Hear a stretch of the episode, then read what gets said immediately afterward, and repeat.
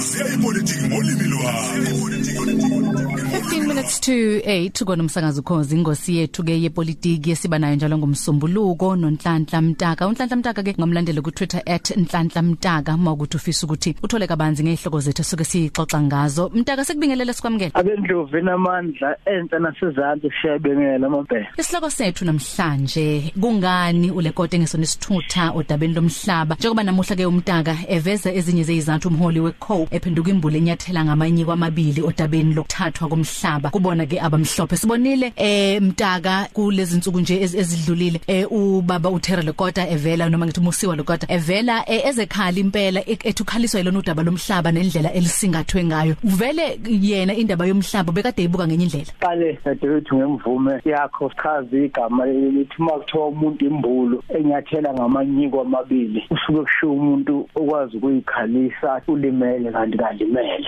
sibonelo umnumzana ulikota ke kimi usephenduke imbulu enyathela ngamanyiko amabili. Okwesibili asimvumele ukuthi kuyilungelo lakhe ukuthi enze njalo nokuthi asho lokhabe kusho ngoba lithe iparliament asixoxeni kuzoba khona ke abasho njengaye kube khona futhi abaphikisana naye. Kepha esikuhlaziya namuhla ukuthi iziphi izathu ezenza asho lokhu akushoyo noma ezenza phenduka imbulu enyathela ngamanye kwamabili kulolu daba umnumzana ulikodwa usopolitiki okhaliphe kakhulu. Usebukile ukuthi njengoba sekuza ukhetho ngonyaka ozayo abohlanga bayohlukana cishe amaqoqo noma eh kathathu ekuvoteni kwabo. Kulamaqembu okungenzeka bawavotele okuyi African National Congress okuyi EFF okuyi IFP bese beqhubelana no DA mhlawumbe wesini iCope ikude kakhulu ukuthi ithole amavoti abo njengaqala. mm uma ke uhlakaniphile njengemholi neqembu ubusubheka ukuthi usulahlekelwe labantu akade bevotele isikhathi singaka sebaningi abantu aba- aba- abakhakubo noma abazingelayo noma babengxenye yabo. Wena ubusufuna ukuyodoba eh, endaweni eyehlukile. Bakhona ke abantu abaninde ukuthi bavotele iqembu labo okuyiqembu labelungu bese bephinde futhi labe ngenamandla khona baxoxelele iqembu elinye okungenzeka kube labohlanga labo bantu ke labantu ekuthiwa ngabelungu noma kuthiwa abantu abamhlophe ningizimu Afrika kuthiwa abantu abamhlophe. Bahlukene ke kabili odikode sekufundile futhi uyakwazi lakho khona abamhlophe abangamangisi namajuda oningi labo lizovotela iDemocratic Alliance. Lokwathi inhlobo bavota kanjalo. Bese kuba khona laba abangawathandi nje amajuda kahle hle namangisi labo kuthiwa ngamabhunu lawo mabhunu ke okwamanje ivoti lawo lisaqoqeke eh, ku-freedom eh, front plus. Kodwa ulikoti usebonile ukuthi kungenzeka ekupheni kwabo elinye iqembu labe ngenamandla khona badinge iqembu labohlanga. iCope uyibeka njengabantu abanjani akabhekile kakhulu kuzwe lonke bepha ubheke endaweni njengako Free State ngoba uma ubuka lokho kuthiwa ngesilungu sepolitiki politics of election futhi la ubuka khona ibala eh, ulikota into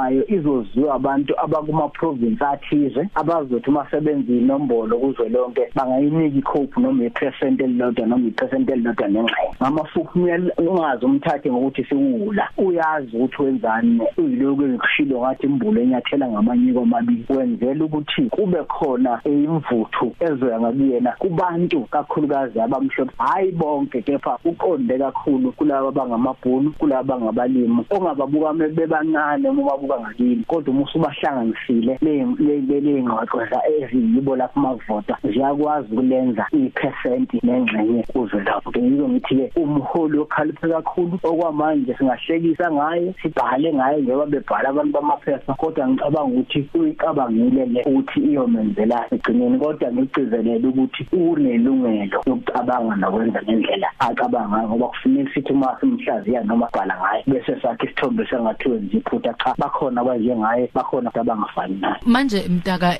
lembono ayivezayo nendlela enza ngayo nohawula kwakhe uma se- selusingathwe njoba njoba sike sakhuluma ngesonto elidlula ukuthi kuzoba khona inhlelo zikhona futhi seyiqalile ziyaqhubeka futhi zokuthi kuza- kuzwakale imbono yabantu balethe imbono yabo kuxoxiswane ngalolu daba kungaba nawo umthelela ekuthenini mhlawumbe lugcina lusingathwa kanjani lolu daba? Ngeke omkhulu kodwa ake sibuke ngeso leyindaba uma ubuka lokuqalile iDA akhulunywa ngayo ngalolu daba lomhlaba. Ngizama ukuthi iqembu elinabantu abaningi abamhlophe abangamangisi namajuda kodwa kukhulunywa ngomnomzana uLekota. Okude le neDA ifobuka ibala amafuphi lokhu kuzomsiza kwamanje ukuthi njalo ekakhulukazi amaphepha abelungu nafundwa yamabhunu njalo mekhuluma ngokuthi bathena be-ANC ne-FF besethi kodwa umnumzana ulikota wehlukile. Ngamafuphi uzophumelela ethini nabe undaba mlonyini emaphephandabeni alaba abafunayo ngoba kakhulumi nawo akhulumi nami mhlawumbe akhuluma namaphepha abuhlaza ukhuluma nalabo akhuluma nabo azi ukuthi ngempela uzothi njalo uma kukhulunywa kuthiwa cha impilo ethi athatha umhlaba yithi bese kodwa umnumzana ulikota wathi unqobile-ke lokho uphumelele wenze kahle kulokho kodwa angeke kushintshe inkulumo mpikiswano ngoba vese inkulumo mpikiswano ihlukene kabili. Kukhona abathi akube njalo nabathi akungabi njalo. Ekugcineni mase kuyovotwa ngoba singakhuluma sonke njengoba sigqugquzele ukuthi njena beza lapha kwaZulu Natal lelisonto kufuneke wonke umuntu abe khona. Akeke kufuneka athi ulinde ibhasi kufanele usukume nje engakhona uyokhuluma nawo ekugcineni amaqembu lawa asephalamende azokwazi ukuthi avotele ukuchibiyela lo mthetho ngesibalo esithize. Uyazi ulekoti ukuthi akanawo amandla eyedwa uma ngase kuhlangana i-EFF ne-ANC kulolu daba sekuphinde njalo abanye ngisho bangangaya kovota kodwa azama ukwenza njengoba ngisho. Akuhlangene nokuvotela lento uhlangene nokuthi akhunjulwe ukuthi ungomunye wabantu ababa ingxenye kulungiswa ludaba khumbula ukuthi lolu daba likazi kuphela manje. Yebo lisaziwe eParliament ngomandulo kodwa kuzothi mase liqala seliya eParliament selikhulunywa sekuyovotwa ngempela kusiqonda nesikhathi la khona iningizimu Afrika iyokhethweni. Bayomkhumbula ke labo akhuluma kubo nathi sose ukuthi bamuzwe kulolu daba. Mtaka sibonga kakhulu ukuthi ube nathi kuwona umsakazo ukhozi. Yena uNhlanhla Mtaka ke political scientist nomsunguli wengabadi group ngamlandela ku Twitter @nhlanhla mtaka ukuze uthole kabanzi ngazi ihloko zethu sisuke siyibheka kuyona ingosi yethu yezepolitiki. #VMBS Twitter. Ungumlandeli ohamba phambili njengokhozi FM